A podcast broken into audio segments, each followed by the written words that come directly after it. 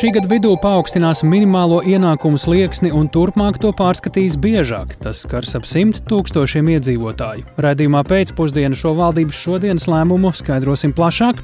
Aizdomas par krāpšanos ar vairāk nekā pusmiljonu eiro Eiropas fondu naudas kādā Daugaupils mācību iestādē. Policija šodien veic procesuālas darbības un komentāros pagaidām skopa. Sazināsimies ar Daugaupili.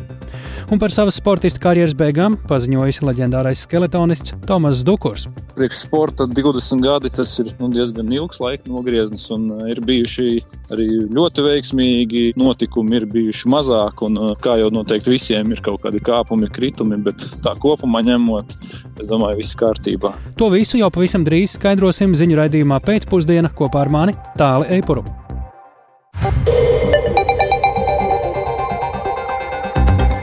Pūkstens ir 16,5 minūtes, skan pēcpusdienas ziņu programma, skaidrojot šodienas svarīgos notikumus studijā Tāles Eipurs.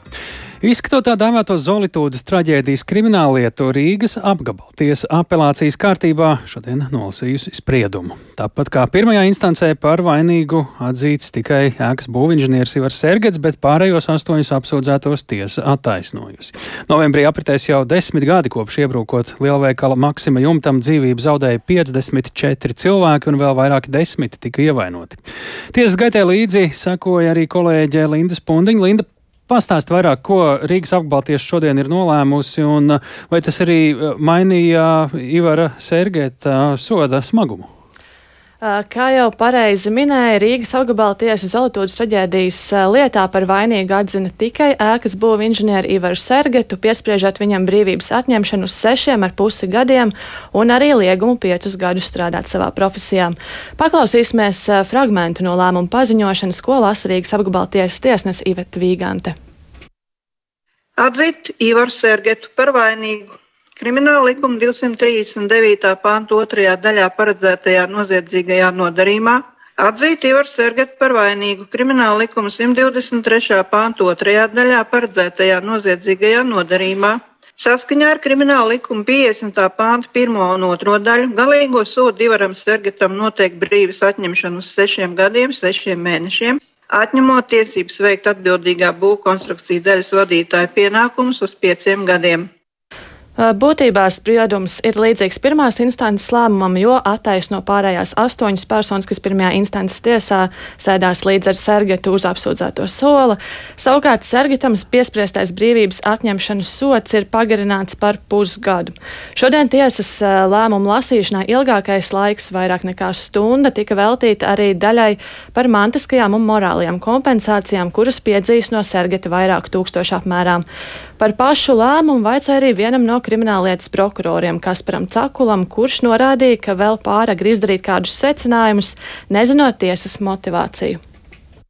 Protams, mēs neesam līdz galam apmierināti. Te pašā laikā mēs uzskatām, ka mūsu izsniegtais process lielā mērā arī tika apmierināts arī sargātam noteikto sodu. Sots noteikti tuvu maksimālajai robežai. Arī tas, ka mēs tika izskanēja pārmetumi no pirmās instances tiesas par mūsu darbu, savukārt apelācijas instances tiesa, kas mūsu ieskatā daudz korektāk un, un pamatotāk vērtēja nu, vispār lietas apstākļus, kā tādas, par ko arī liecinieci ir četri blakus lēmumi. Tā pašā laikā norādīja arī viens no blakus lēmumiem ir adresēts Rīgas pilsētas tiesas priekšsēdētāji par pārkāpumiem taisot pirmās instances tiesas spriedumu. Respektīvi, tas, ko mēs vienmēr esam teikuši, ka pirmās instances tiesas spriedums ir nelikumīgs, viņš par tādu ir šodien arī atzīts. Tiesa pieņēma arī četrus blakus lēmumus, kā jau nu pat arī prokurors ieskicēja vienu no tiem. Un, jā, kā prof, prokurors minēja, apelācijas instance uzskata, ka pirmās instances tiesa spriedumā nav atspoguļojusi un izvērtējusi visus tiesā iesniegtos pierādījumus, galvenokārt nesot pienācīgi atspoguļojusi uh, liecības, kā arī atsevišķus pierādījumus. Vēl tiesa norādīja Rīgas tiesu apgabala virsprokuroram uz trūkumiem amatpersonu darbā krimināla procesā. Tiesas skatījumā nesamērīgi lielais pierādījumu apjoms kavē lietas izskatīšanu. Pierādījumu apjoms aizņēma apņēma 559 lapuses, no kurām lielākā daļa netika izmantotas lietas pierādīšanā, kā arī krimināllietas materiālos pievienotie dokumenti, tā skaitā svešvalodā, netika izmantoti pierādīšanas gaitā. Tāpat tiesa blakus lēmumā vēl norādīja, ka Rīgas apgabala tiesas virsprokuroram par nepieciešamību izlemt jautājumu par kriminālu procesu sākšanu par iespējamu notikušo dokumentu viltošanu, izstrādājot mat, uh, metāla konstrukcijas, jo šādas ziņas tika iegūtas lietas iztiesāšanas gaitām. Šis ir līdzīgs norādījums jau pirmās instances tiesas spriedumā. Tāli. Jā, tik tālu tātad par to, kas šodien spriests, lemts, sacīts un komentēts attiecībā uz tiesas procesu no tajā iesaistītajiem. Viena no iesaistīto pusēm pavisam noteikti ir Maksimas traģēdijā cietušie un cietušo biedrības Zolitūde 2111 vadītāja Regīna Ločmila pie radījuma pēcpusdienu klausulas. Sveicināti! Labdien! Ar kādām izjūtām un vērtējumu šodien cietušie un biedrība ir sekojuši līdz spriedumam. Est varbūt arī ar kādu no cietušajiem pēc uh, sprieduma aprunājušies. Iespējas ir ļoti rūkts, uz uh, sirds ir smagums. Uh, gan par cietušiem, par cilvēkiem, kuri desmit gadus gaidīja taisnīgo tiesu, uh, tiem cilvēkiem, kuri ir vainīgi pie viņu tuvinieku bojājais. 54 cilvēki ir gājuši bojā, un ko spriež tiesa. Tiesa pēc būtības norāda ne tikai uz tā viena konstruktora Sergeta kunga vainu.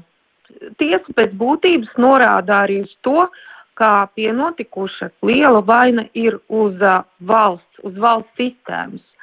Jo kā var izveidot būvniecības, tādu būvniecības uzraudzības un kontrolas uh, sistēmu, kura viena cilvēka kļūdas dēļ iet bojā 54 cilvēki.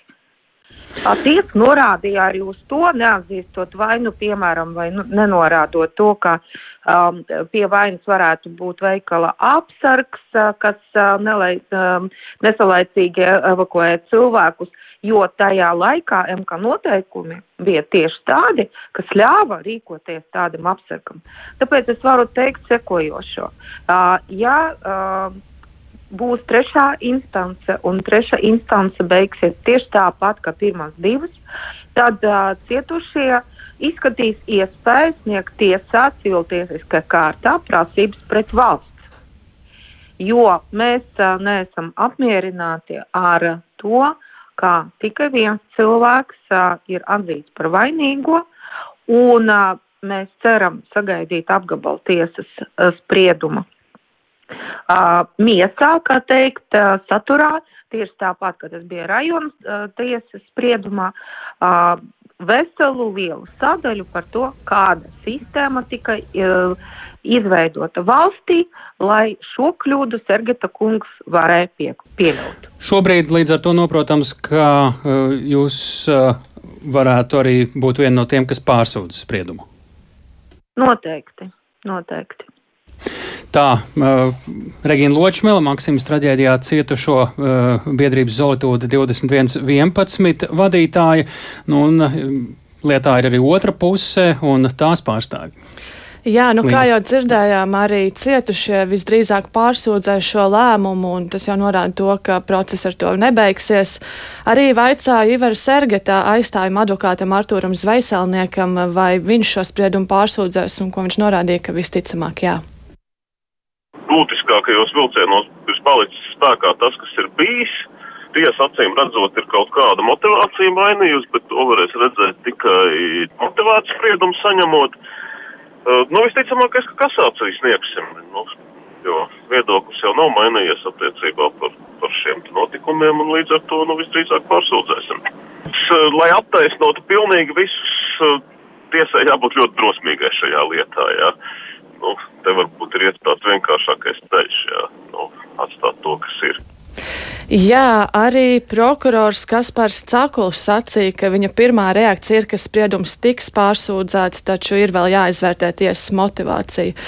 Jāmin to, ka tagad līdz 7. februārim tiesa sagatavos pilno spriedumu, un tas iespējams tiks arī pagarināts, jo atgādināšu arī to, ka pirmās instances tiesas spriedums pilnais bija vairāk nekā 1200 lapušu garumā, tas arī prasa laiku.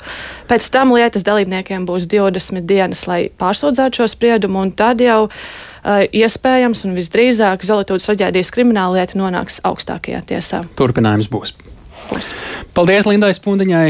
Mēs šobrīd dodamies pie nākamā stāsta, kur jāsaka tā tiesību sargiem jāķers jau pie jauniem likuma pārkāpumiem. Satraucošas ziņas šodien pienākušas no Daugaupils. Valsts policijas ekonomisko noziegumu apkarošanas pārvalde kopā ar Eiropas prokuratūru veids procesuālas darbības kādā mācību iestādē Daugaupilī aizdomās par iespējamu krāpšanos ar Eiropas Savienības sociālā fonda līdzekļiem 600 tūkstošu eiro apmērā. Policija pagaidām savos komentāros ir ļoti skopa, taču noprotams, ka runa varētu būt par Daugavpils universitāti un krimināla procesā aizdoms ir par krāpšanu saistībā ar mācību iestādē piešķirtu Eiropas Savienības sociālā fonda finansējumu, iespējams mākslīgi palielinot publiskā iepirkuma specifikācijas izmaksas.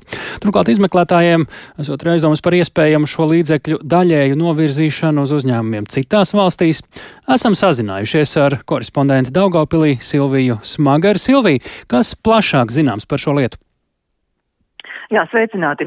Šodien pēcpusdienā, kad parādījās šī informācija par to, ka Eiropas prokuratūra veids procesuālas darbības un ka tas notiek tieši Daugāpus universitātē, man arī izdevās ienākt augstskolā. Un patiesībā tad tajā mirklī arī nekas neliecināja par policijas klātbūtni vai arī kādām neparastākām aktivitātēm. Ritēja ikdienas darbs, gaitiņa klusi, jo mācības pārsvarā notiek attālināti. E, vienīgi nebija sazvanām universitātes sabiedrisko attiecību nodaļa un visticamāk tieši toreiz slēgtām durvīm arī notika kādas darbības, jo neoficiāli tieši šajā nodaļā strādājošais Dāngāpas universitātes rektoris vietnieks attīstības jautājumos Jānis Kudiņš tiek minēts, ka iespējamais galvenais figurants policijas uzsāktajās pārbaudēs lietā, kā jūs jau minējāt, kas visticamāk saistīta krāpšanos ar Eiropas Savienības sociālā fonda līdzekļiem, nu, vairāk nekā pusmiljonu eiro apmērā. Interesanti, ka Dagāpas universitātes rektora Irēna Kokina, ar kuru man pēc dažām stundām izdevās tikties klātienē un arī aprunāties, uh, Par kratīšanu vai kādām policijas darbībām augstskolā uzzinājuši no preses. Nekāda oficiāla informācija augstskolā par notiekošo vispār uz šo mirkli vēl nav saņemta. Klausāmies, ko tad stāsta Dāngāpas universitātes rektora Irēna Kalkina.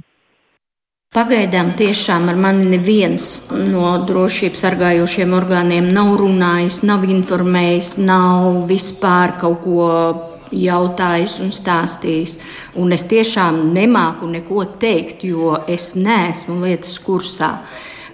No kolēģiem tikko uzzināju, ka jā, tiešām it kā notiekot kratīšana, bet kur kā neviens neko nerunā.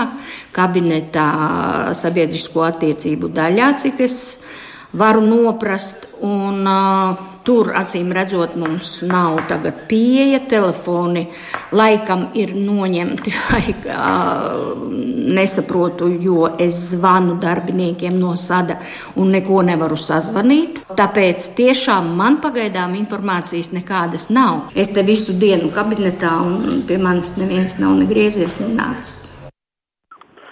Nu, tas, ko saka universitātē, ka tā ir mm, gatava sadarboties ar valsts varas iestādēm un sniegt nepieciešamo informāciju. Un Latvijas rādio rektora Irēna Kokina atklāja, ka pēdējā laika universitātē nav realizēts neviens projekts par šādu summu, kas tiek minēta Eiropas prokuratūras uzsāktajā pārbaudē šiem 600 tūkstošiem eiro.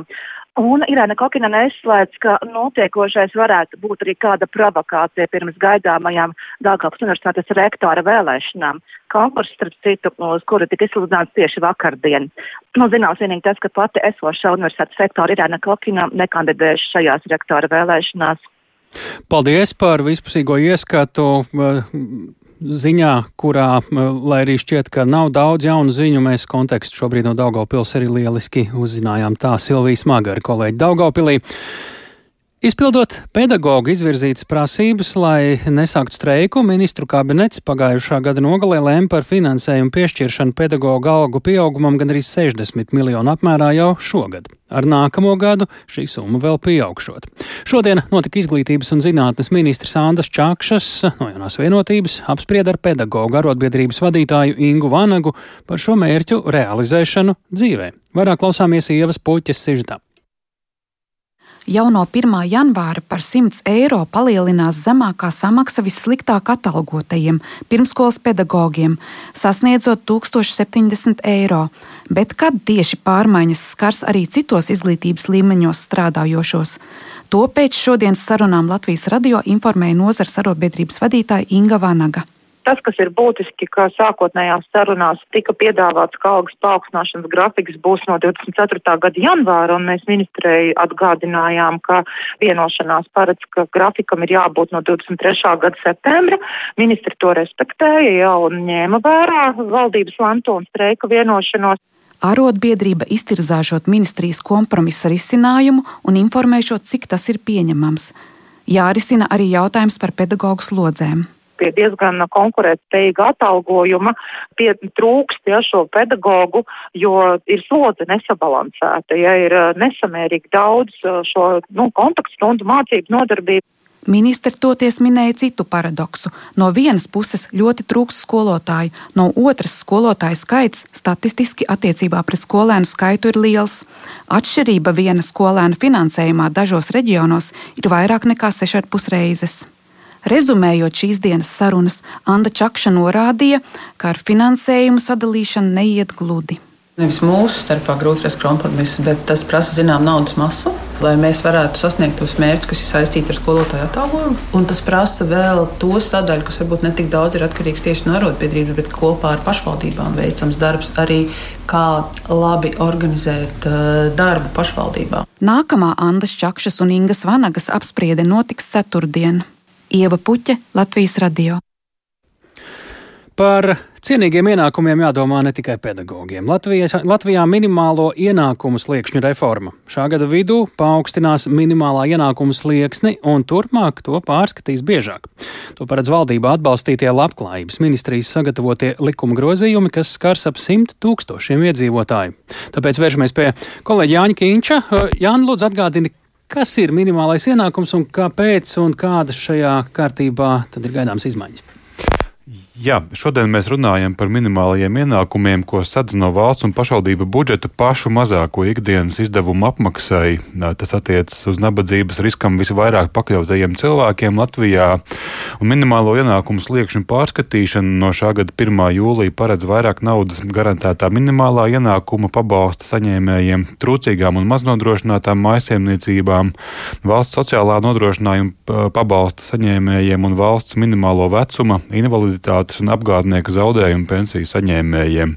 Tā atšķirība līdz ar šo ar šiem lēmumiem, kas gan vēl būs jāskat arī saimā, paredz, ka turpmāk minimālo ienākumu maksājums noteiks nevis konkrētu likmju izteiksmē, bet procentuāli no vidējiem ienākumiem mājasemniecībās Latvijā. Un līdzinējā kārtībā ir saskatīts risks, ka minimālo ienākumu sliekšņu aprēķinos var arī neņemt vērā iedzīvotāju ienākumu reālo, ienākumu reālo pieaugumu, attiecīgi tos nosakot bez kāda īpaša pamatojuma. Turpmāk eh, likumā piedāvātā kārtība ļaus rīkoties atkarībā no ik gadu mainīgiem datiem. Tā to skaidroja Labklājības ministra Evika Siliņa no jaunās vienotības. Paklausamies! Izmaiņas metodoloģijā ir tādas, ka tiek noteikti 20% no uh, Latvijas mājsaimniecību vidējā ienākuma līmeņa. Tas būs tātad tas absolūtais minimālais cipars, un atkarībā no tā tiks mainīti koeficienti. Viņš būs daudz elastīgāks, kā to arī ir ieteikusi gan Eiropas komisija, gan arī satversmes tiesa. Līdz ar to mēs iesim uh, vairāk līdzi laikam, jo mainoties šai mājsaimniecību mediānai, mainīsies arī šie minimālie sliekšņi, bet ja uh, mājsaimniecību ienākums strauji kritīs, kritīs, tad netiks samazināti šie minimālie sliekšņi, paliks eh, esošie apmērā. Jo, protams, tie ir eh, cilvēki ar ļoti zemiem ienākumiem, lai arī tas neietekmētu viņu izdzīvošanas spējas. Tad mēs atstāsim tos ciprus, kas būs spēkā uz to brīdi. Nelielam ieskatam nedaudz par skaitļiem. Ņemot vērā modeļa izmaiņas, garantētais minimālais ienākums vasarā pieaugs no 109 līdz 125 eiro pirmajai un vienīgajai personai mājsaimniecībā un no 76 eiro līdz 87,5 eiro pārējām personām mājsaimniecībā. Savukārt trūcīgas mājsaimniecības ienākumus liekas augs no 272 līdz 315, 313 eiro pirmajai un vienīgajai personai mājsaimniecībā. Vēl piebildīšu, ka šajā valdības sēdē arī izvērtās neliela diskusija, vai līdz ar šīm izmaiņām minimālā valsts garantētā pensija nepārsniegs mūža laikā no nelieliem ienākumiem pelnītas pensijas apjomu. Nākotnē tas tiešām varo, varētu arī piepildīties, to atzina Labklājības ministrijas valsts sekretārs Ingus Alliks. Taču darba mūža laikā krāto pensiju kapitāls mainīsies, ja cilvēki veiks lielākas sociālās iemaksas, un Labklājības ministrija šogad plāno arī aktualizēt šo jautājumu. Un tad vēl īsi tātad par šīm minimālo ienākumu sistēmas izmaiņām. Tās stāsies spēkā no, sim, no 1. jūlija un uh, nedaudz, kaut nedaudz uzlabos dzīves apstākļus ap 100 tūkstošiem cilvēku. Un, uh, lai šos mērķus īstenotu šajā gadā valsts budžeta prioritārijos pasākumos, tad šogad papildu atrastajos uh, līdzekļos tam tiks paredzēts novirzīt papildu 10,4 miljonus eiro. Tā kā nākamgad šī jaunā kārtība jau attieksies uz visu gadu, tad šo summu ir paredzēts vismaz dubultot. Tā Jānis Kīns šeit eh, ziņu raidījumā pēcpusdiena. Vārdarbības vilnis vairākas nedēļas ir pārņēmis Zviedrijas galvaspilsētu Stokholmu, bet par savas sportista karjeras beigām paziņojis. Uh, jā, leģendārais skeletonis Tomas Dukuršos un citus tematus ziņu raidījumā pēcpusdienā skaidrosim turpmākajās minūtēs.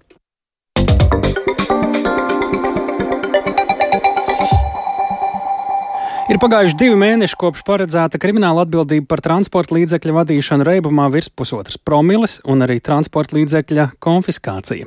Lai noskaidrotu policijas secinājumus par sankciju efektivitāti, kolēģi Dārts Simonovičs ziņu raidījumā pusdiena sazinājās ar galvenās policijas pārvaldes prevencijas vadības nodaļas priekšnieku Andi Rinkevicu un vaicāja, vai ir attaisnojušās cerības, ka stingrāki sodi varētu mazināt dzērāju šoferu un avāriju skaitu. Neliels samazinājums skaita ziņā ir, bet mēs viņus negribētu norakstīt, lai izskaidrotu ar šīm izmaiņām. Tomēr tas, kas nav izmainījies, ir šī proporcija. Ja mēs arī pirms krimināla likuma izmaiņām lielākā daļa vadītāju, kurus mēs piefiksējām, braucot reibumā, bija virs pusotras promils, tad arī šobrīd lielākā daļa no viņiem ir virs pusotras promils. Līdz ar to šajā kontekstā šo cilvēku rīcība mainījusies nav. Runājot ar šiem vadītājiem, viņi paši atzīst, ka viņi zina, ka tādas izmaiņas krimināla likumā ir bijušas, ka transporta līdzekli var konfiscēt vai šī transporta līdzekļa vērtība var piedzīt, bet viņi tāpat tās ir sēdušies pie stūras reibumā, bet nav pietiekami lielā reibumā. Tātad nevar tā teikt, ka viņi nezina jauno kārtību, vienkārši cer varbūt, ka nepieķers. Visticamāk, šāda cerība pastāv. Izskaidrot, kādēļ viņi tomēr ir sēdušies pie stūres, nu, tādu ticamu argumentu, protams, nevar, lai gan, nu, būsim godīgi, arī laikam tas attaisnojums šajā gadījumā nav jāmeklē. Šajos divos mēnešos cik daudz ir bijuši šādi pārkāpēji? Vidēji tie ir 10, 12 vadītāji diennaktī, kurus tad mēs konstatējam, vadot transporta līdzekli reibumā. Puse no viņiem parasti pat mazliet vairāk ir uh, virs pusotras promils. Tātad, nu, faktiski 5, 6 transporta līdzekļi kā nu kurā dienā, kāda diena tiek kādam konfiscēts, vai arī piemērots transporta līdzekļa pilnā vai daļajā vērtība. Kas gan ir jāatzīst, tad lielākā daļa šo transporta līdzekļu vadītāju viņi nebrauc ar savu transporta līdzekli. Tātad šī konfiscēšana vai transporta līdzekļu atņemšana ir mazliet mazākā pusē no gadījumu, jo lielākā daļa no viņiem tomēr brauc ar citai fiziskai personai piedarošu transporta līdzekli. Bet varbūt šādā veidā viņi arī ir atraduši veidu, kā sēsties tomēr pie stūris mm, reibumā, jo zina, ka viņiem mašīna neatņems, jo tā nav viņu mašīna. Tas ir viens no varbūt tādiem minējumiem, līdz ar to tiešām vajag pagaidīt, kad paies ilgāks laiks, kad šī politika būs kādu laiku jau patiesībā darbojusies. Tomēr arī, ja netiek atņemts transporta līdzeklis, viņam tiek piemērots pietiekami liels naudas sots, tad vai nu daļais vai pilns transporta vērtības apmērā. Un tās summas ir milzīgas. Ko mēs esam secinājuši, ka tie vadītāji, kuri brauc reibumā, daļa no viņiem to dara atkārtot. Un tie ir aptuveni viena ceturtā daļa, kura regulāri brauc reibumā. Un uz šiem te vadītājiem lielākā daļa ietekmes instrumentu ir ļoti neefektīvi. Viņi pirms tam ir pieķerti, viņiem ir atņemtas tiesības, viņi joprojām turpina braukt bez tiesībām. Daļa no viņiem pat ir soda mērs, viņiem ir bijis piemērots, kas ir ar brīvības atņemšanu saistīts sots. Viņi, tā teikt, šos divus, trīs vai četrus mēnešus pavadot pēc reizēm, iznāk ārā un atkal turpina braukt reibā. Tie ir aptuveni 0,2% no visiem transporta līdzekļu vadītājiem. Tomēr viņi ir tādi, kuriem visticamāk ir milzīgs alkoholisms problēmas. Vai jums pietiek pašu kapacitātes, lai kontrolētu vispār? Šobrīd eh, kapacitāte nav īsti pietiekama. Viņa tāda jau ir vairākus gadus. Struktūra vienībās, kurās kolēģi veic šo satiksmes uzraudzību, nekomplekts ir uh, ļoti liels. Par to tiešām mums ir skaļi jārunā. Ļoti liels nozīmē vismaz pusi, kā nu kurā reģionā, kā nu kurā struktūrā, bet viņš tiešām ir milzīgs. Līdz ar to tie cilvēki, kuriem šobrīd būtu jāatrodās uz ielas un jāveic satiksmes kontroli, viņu faktiski ļoti maz. Viens no nu, glābšanas riņķiem, kuru mēs paši sametam, ir mūsu uzsāktās struktūrālās reformas, kuru kontekstā mēs mēģinām paplašināt šīs funkcijas. Tas nozīmē, ka arī citi kolēģi, tā skaitā arī satiksmes uzraudzības nodrošināšanā, tomēr tas tiešām ir tāds ilgtermiņa risinājums, bet tas nekādā veidā, protams, nemazina šo tādu fizisku cilvēku iztrūkumu policijas struktūra vienībās. Par likuma pārkāpumiem vismaz tikpat, ja ne krietni smagākiem, saņemam ziņas no Zviedrijas. Vārdarbības vilnis vairākas nedēļas pārņēma Zviedrijas galvaspilsētu Stokholmu. Pilsētā gandrīz ikdienu notiek apšaudes vai spridzināšanas. Vismaz daļa no noziegumiem varētu būt saistīta ar narkobandu cīņām par ietekmi. Vairāk stāsta Uldis Ķezberis.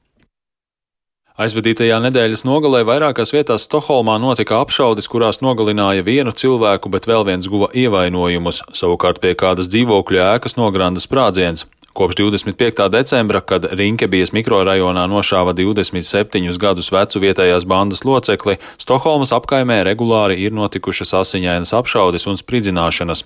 Policija ir reģistrējusi vismaz 21 incidentu, kurā dzīvību ir zaudējuši trīs cilvēki, bet vēl vairāki ir ievainoti. Varas iestādes uzskata, ka pilsētu ir pārņēmušas cīņas starp vairākiem konkurējošiem noziedzīgajiem grupējumiem, taču sīkāku informāciju nesniedz.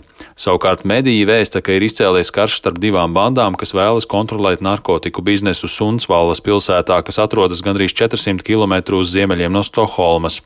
Vienas bandas līdere iesauka esot kurdu lapsa, bet otras bandas vadoni dēvējot par grieķi. Visticamāk, ka neviens no viņiem neatrodas Zviedrijā. Vairums abu bandu locekļi ir Zviedrijā dzimuši jaunieši no imigrantu ģimenēm. Saistībā ar apšaudēm un spridzināšanām policija kopš decembra ir veikusi aptuveni 30 arestus. Šonedēļ policija pastiprina patruļas vardarbības visvairāk skartajās Stokholmas priekšpilsētās. Šim nolūkam ir piesaistīti papildu 290 policisti no citiem Zviedrijas reģioniem. Šo lēmumu atbalsta Zviedrijas policijas arotbiedrība, taču tās vadītāja Katarīna Fonsīdova uzskata, ka ir nepieciešams ilgtermiņa risinājums. Neapšaubāmi, ka šajā ļoti nopietnajā situācijā mums ir jāsakopo spēki un jāpalīdz Stokholmai. Bet, lai mēs ar to tiktu galā ilgtermiņā, mums ir nepieciešams pietiekami daudz policistu gan Stokholmā, gan pārējā Zviedrijā. Iepriekš arī Zviedrijas trešo lielāko pilsētu Malmi bija pārņēmusi bandu vardarbība, taču jau vairākus mēnešus tur nav notikušas nāvējošas apšaudes. Drošības situācija Malmē uzlabojās pēc tam, kad policija notvēra vietējo bandu līderus. Uldis Česberis, Latvijas radio. Esam sazinājušies ar Stokholmu, tur dzīvojošo latvieti Guntu Enerūtu. Labdien! Uh, labdien! Kā jūs un cilvēki apkārt ikdienā pamanāt vai dzirdat šo problēmu, kuru nu pat dzirdējām izgaismojam? Nu, tas, ko arī teica uh, reportāžā žurnālists, ka tas ir, teiksim, uh, tiešām vardarbīgs bandu savstarpējais karš par narkotiku tirgu lielā mērā. Un tas ir ļoti atkarīgs, protams, no rajona. Bet es tikko arī parunāju ar savām kolēģiem un saviem, uh, saviem apkārtējiem. Uh, tas ir tik ļoti nenosākāmi, kur tas varētu notikt, tāpēc, protams, ir tā iekšējā nedrošība, uh, ir tās iekšējās bailes,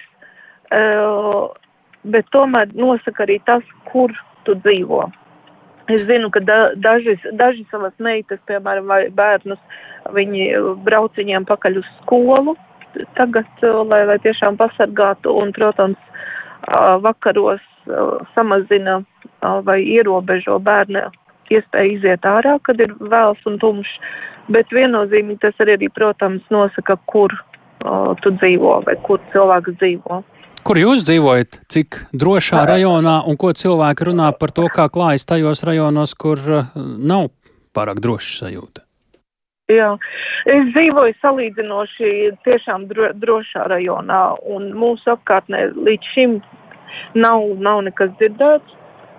Un, teiksim, nav noticis, tāpēc man, man pašai ļoti grūti spriest, bet arī tur, kur, teiksim, cilvēkiem salīdzinoši netālu kaut kas ir bijis, es tikko runāju ar vienu no tādiem, uh, tas ir jauns puisis, viņš teica, nu, tas ir tā, ka, ka es daru to, kas man ir jādara, un, protams, ka nevar dzīvot patstāvīgās bailēs. Nu, bet tā, tā, tas iekšējais it kā ir, bet tā pašā laikā cilvēki turpina dzīvot savu ikdienas dzīvi. Nav tā, ka tiešām pārtrauc visu.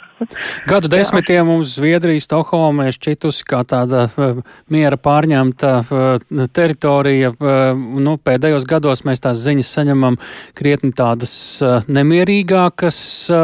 Ko cilvēki saka, kas pēc būtības notiek?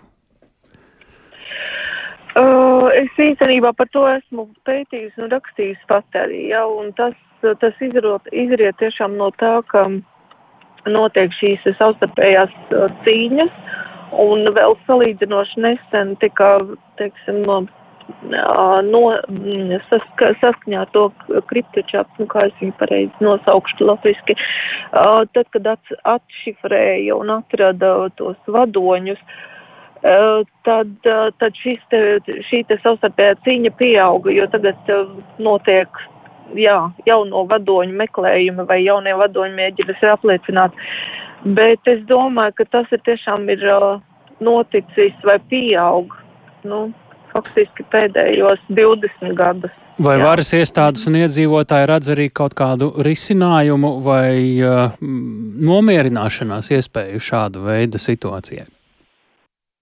Nu, tas, ko es vēl šorīt dzirdēju radio, kur, teiksim, cilvēki, kas ir ar to saistīti, viņi uzskata, ka ņemot vērā, ka bandas iesaistās vien jaunākus, jaunākus jauniešus um, un jaunākus bērnus un tīnī, tīņus, tad uh, viens risinājums, ka tomēr ir jāsāk jau cik vien agri var, un es, es tam lielā mērā piekrītu, un tiek runāts pat par pirmsskolu, kur jau, teiksim, ja cilvēki vai, teiksim, sociālie dienesti, uh, uh, ir aizdomas par, uh, teiksim, riska ģimeni vai redzams, ka tas bērns ir ar nekontrolētiem impulsiem, nu, kā, teiksim, kā viens no, viena no pazīmēm vai, vai riska ģimene, tad tas darbs ir jāsāk ļoti laicīgi jau, lai nebūtu tā kā tagad, kad uh, 13-gadīgs uh, pusaudzis uh, ir ar ieroci. Tas jau ir par vēlu. Tāpēc, tāpēc tas, ko es zinu un kam, kam es ļoti piekrītu, ka tiešām ir jāsāk laicīgi, uh, cik vien iespējams un pie pirmajām, teiksim, mhm. sākot jau ar skolu un sociālajiem dienestiem.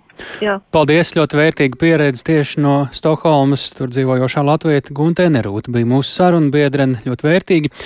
Bet svarīgi un tuvāk skaidrojami notikumi šodien arī sportā. Divus gadu desmitus ilgušo sportista karjeru ir noslēdzis Latvijas skeletonists Tomas Dukurs, līdz ar to ir faktiski noslēgusies brāļu Dukuru ēra Latvijas un pasaules skeletonā, jo Tomas jaunākais brālis, skeletona leģenda Mārtiņš Dukurs, punktu sportista karjerai nolēma likt jau pērnā augustā. Redījums pēcpusdienu lūdza Tomasam Dukuram izvērtēt savu karjeru un skaidrot savu lēmumu. Kopumā jau ņemot, es domāju, diezgan veiksmīga bijusi. Gana gara sanākuši priekš sporta 20 gadi. Tas ir nu, diezgan ilgs laika nogrieznis un uh, ir bijuši arī ļoti veiksmīgi notikumi ir bijuši mazāk, un uh, kā jau noteikti visiem ir kaut kādi kāpumi, kritumi, bet tā kopumā ņemot, es domāju, viss kārtībā. Ja atskaita to, ka uh, varbūt ir bijušas tās traumas, operācijas, tas tāds vissliktākais, kas sportā ir, bet pārējais viss ir bijis labi. Ko teikt, kurš ir tas spilgtākais brīdis vai spilgtākie brīži, kuri uzreiz ir iegravējušies atmiņā un nāk pirmie prātā? Droši vien jau ir kaut kādas uzvaras, piedestāli, tas jau ir tāds paliekošākais atmiņā. Nu, noteikti, ka viens no tādiem ir eh, pirmā uzvara pasaules kausā Siguldā. Arī, kad eh, Eiropas čempionātā ar Martinu izcīnījām dalītu pirmo vietu. Grūti vienā simtaļā trāpīt, bet tā sanāca. Un Kāpēc šis brīdis ir tas, kad eh, lēmums tiek pieņemts, jo rudenī vēl izskatījās, eh, ka varētu būt garāki plāni? tā sanāca, kad arī man bija operācija novembra pašās beigās, un arī tas, ka starptautiskās federācijas noteikumi paredz to, ka pasaules čempionātam, lai kvalificētos, vajag pirms tam trijās sacensībās tajā sezonā nobraukt, un kad īsti es tajā pasaules čempionātā nevaru piedalīties, un arī, arī droši vien, lai savākt tās trīs sacensības, arī neesmu tik gatavs, lai tur piedalītos, un tas izlēma, ka, nu, tā aizbraukt man, man nav interesanti. Tā sanāk, ka kādā brīdī jāpasaka, ka pietiek. Dukura ģimene nekad nav bijusi tā, kas eh, sēž bezdarbībā. Vienmēr ir bijušas vai nu primārās vai blakus lietas, bet darba pilnas rokas. Brālis jau trenē, tēvs tāpat. Tādi plāni. Mēs ar Mārtiņu esam izveidojuši transporta un loģistikas uzņēmumu. Mēģināsim maksimāli tur likt enerģiju un kaut ko arī mēģināšu noteikti palīdzēt jaunajiem sportistiem Latvijā. Kāds posms ir noslēdzies eh, šobrīd Dukuru iesaistē skeletonā. Tas eh, šobrīd ir lielais lokus noslēdzies. Ir pilnīgi jauns etaps tagad, vai ne? Jā, nu, nu Mārtiņš, jā, kā jau minējāt, ir iesaistīts skeletonā diezgan nopietni, bet tas ir saistībā ar citu nāciju. Tēvs strādā ar jaunatni, Skeletona akadēmijas projektu. Droši vien es vairāk te uz vietas gribu būt, jo 20 gadus ir diezgan eh, ilgs laiks pavadīts skeletonā un braukājot riņķī. Man vairāk kā kaut kāds mājas projekts interesē. Un atgādinājums klausītājiem, tu taču esi tas, kurš kurš bija pirmais augsta līmeņa skeletonists ne? Ko definē ar augsta līmeņa? Jā, principā jau mēs ar Martinu diezgan līdzīgi sākām. Jā, varbūt, ja tur skaita kaut kādas mēnešu dienas, varbūt man bija ātrāk, ja tas sākās tās starptautiskās sacensības. Tā Tomas Dukurs, kurš šodien paziņojis par karjeras noslēgumu pirmais Latvijas skeletonists Olimpiskajās spēlēs. Bet Latvijas tenisiste Aļona Ostāpenko šodien pirmo reizi karjerā cīnījās Austrālijas atklātā čempionāta ceturdaļu finālā. Diemžēl, iekļūstot, eh, iekļūt spēcīgāko četrniekā, viņa liedz Kazahstānu pārstāvošā Ģēna Ribakina. Nu, un vēršamies pie mūsu sporta ziņu kolēģi Mārtiņa Kļavinieka šeit pat studijā vaicājot, nu, bija taču tādas pietiekami pamatotas cerības arī uz šo uzvaru, zinot, ka Aļona ir gan augstākā rangā, gan arī iepriekš savstarpējās eh, tikšanās ir uzvarējusi šīs dienas pretnieci. Jā, tieši tā. Un arī ļoti labi spēlējuši šajā konkrētajā Austrālijas turnīrā. Tad mēs arī redzējām mm, eh, no Aļonas varbūt tādu, nu, tādu neraksturīgu savāktību viņai. Tādu, um, Visā nebija, turnīrā, jā. Jā, nebija tāda lieka emociju tērēšana. Protams, bija arī spēle, kurā bija gan tā bubināšana, gan arī um, drusceņa lamu vārdi kamerās, bet kopumā ļoti savākta, tāda koncentrēta spēlē. Un, um, starp citu, varam paklausīties, ko Aļona teica uzreiz pēc šī zaudējuma. Arī tur savos komentāros viņa bija ļoti konstruktīva. I mean, I just uh, try to move forward and Došos tālāk un centīšos aizmirst šodienas spēli pēc iespējas ātrāk. Mēģināšu izdarīt pareizos secinājumus, lai nākamreiz šādu vairs nenotiktu. Jābūt gudrākai lēmumos, ko darīt dienu pirms atbildīgas spēles. Kopumā varu no šī turnīra paņemt tikai pozitīvo. Gandrīz visas spēles aizvadīju ļoti labā līmenī, izņemot pēdējo. Protams, pretiniecei bija viņas diena. Jādodas tālāk un viss. Jāstrādā jāstrādā. Ja darīšu pareizās lietas, kļūšu labāka. I will uh, play better if I do the right things. Jā, nu kā dzirdējām arī šajā komentārā, tad ļoti saprotoši, un es varētu arī iztulkot tieši to vienu frāzi, ko viņš sacīja. Tālāk jautāja, varbūt, kas arī, nu, kas varbūt noslēdz tos svaru kausus par labu Jeļinai ir Bakinai šajā spēlē. Jā, nu, protams, tur var analizēt statistiku. Jā, tur um, Kazahstāna pārstāvošā krievieta bija labāka, bet uh, Aļona neaizvadīja sliktu spēli. Viņa aizvadīja ļoti labu spēli, labā līmenī, pats jau gan kritizēja, bet uh, viens ir tas, ka viņa ieradās uh, šajā laukumā jau 10.20 no rīta. Tas it kā nebūtu nekas neparasts, nav nemaz tik agri, bet iepriekšējā vakarā viņa ļoti vēl bija spēlējusi jauktās uh, dubultspēles uh, šo cīņu uh, kopā ar savu partneri, un nu, tās nav obligātas, un tās ir izvēles. Un, nu, Tāpēc arī viņi teica, ka varēja atteikties no tās, saglabāt spēku šai konkrētai cīņai, vienspēlēm, kas ir prioritāte. Varbūt būtu labāk rezul re labāks rezultāts, bet kā būtu, ja būtu, to mēs jau, protams, nezinām. Nu, mēs skatoties uz šo Austrālijas Open vai Austrālijas atklātā tenisa čempionāta sniegumu, eh, tā ir kaut kādā ziņā jauna ļona, jo eh, nu, viņa līdz šim varbūt tik augstu un tādu, ar tādu stabilitāti varbūt eh, nu, bija bijusi, bet es, es šeit jūtu tādu tādu jaunu attieksmi kaut kādā ziņā. Ja ir jauna treneru komanda, māma, protams, ir palikusi, bet uh, tur sejas ir mainījušās un izpildītāji arī treneru komandā katru gadu, jo principā Ļonai mainās. Treneru komandas sastāvs māma ir vienīgā, kas paliek tur nemainīgi, bet uh, iespējams, ka tas ir devis kādu jaunu impulsu, bet tā Ļonai tā ir bijis reiz no reizes, ka parādās jaunas sejas treneru korpusā, ir kāds jauns impulss, jāmāk tas noturēt ilgtermiņā. Tas viņai līdz šim vēl nav izdevies. Cerams, ka izdosies šogad. Visa sezona vēl šobrīd priekšā. Tad arī redzēsim, vai uh, likumsakar, ne, vai gad, gadījums kļūs par likumsakarību un būs jauni ceturdaļa, pusfināli un tā tālāk. Jā, tagad Dubai, Doha, Indiana Vels, nākamie trīs turnīri ļoti atbildīgi un arī prestiži. Tur Aļonai būs jārāda kaut kas tikpat spožs kā Austrālijā. Turam mīkšķis par Latvijas sportistu, kur noteikti ir šobrīd laikam visredzamākā pasaulē. Viennozīmīgi. Paldies Mārtiņam Kļaviniekam.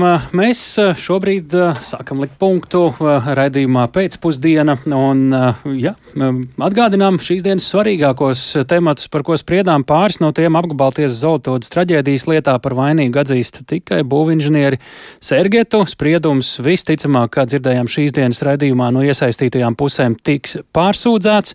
Nu, tāpat arī mācību iestādē Daugaupilī, kas visticamāk ir Daugaupils universitāte aizdomas par iespējamu krāpšanos ar Eiropas naudu 600 tūkstošu eiro apmērā, kā dzirdējām šīs dienas raidījumā, tad tieši pat labam Daugaupils universitātē eh, notiek arī rektoru izraudzīšanas process, un tas viss droši vien arī uh, pamatot jautājums, vai nav skatāms arī kontekstā. Tad atgādinām, ka šis bija ziņu raidījums pēcpusdiena. To veidoja Tāls Eipurs, Ilzi Aginta, Kaspars Groskops, Rita Kārnača un pavisam noteikti, ja šis ir raidījums, ko jūs uzskatāt par ievērības cienīgu, lai ieteiktu arī citiem, tad iesakiet arī lejuplādēt Latvijas radio mobilo lietotni. Tur šis raidījums jau pavisam drīz arī būs pieejams podkāstu formā.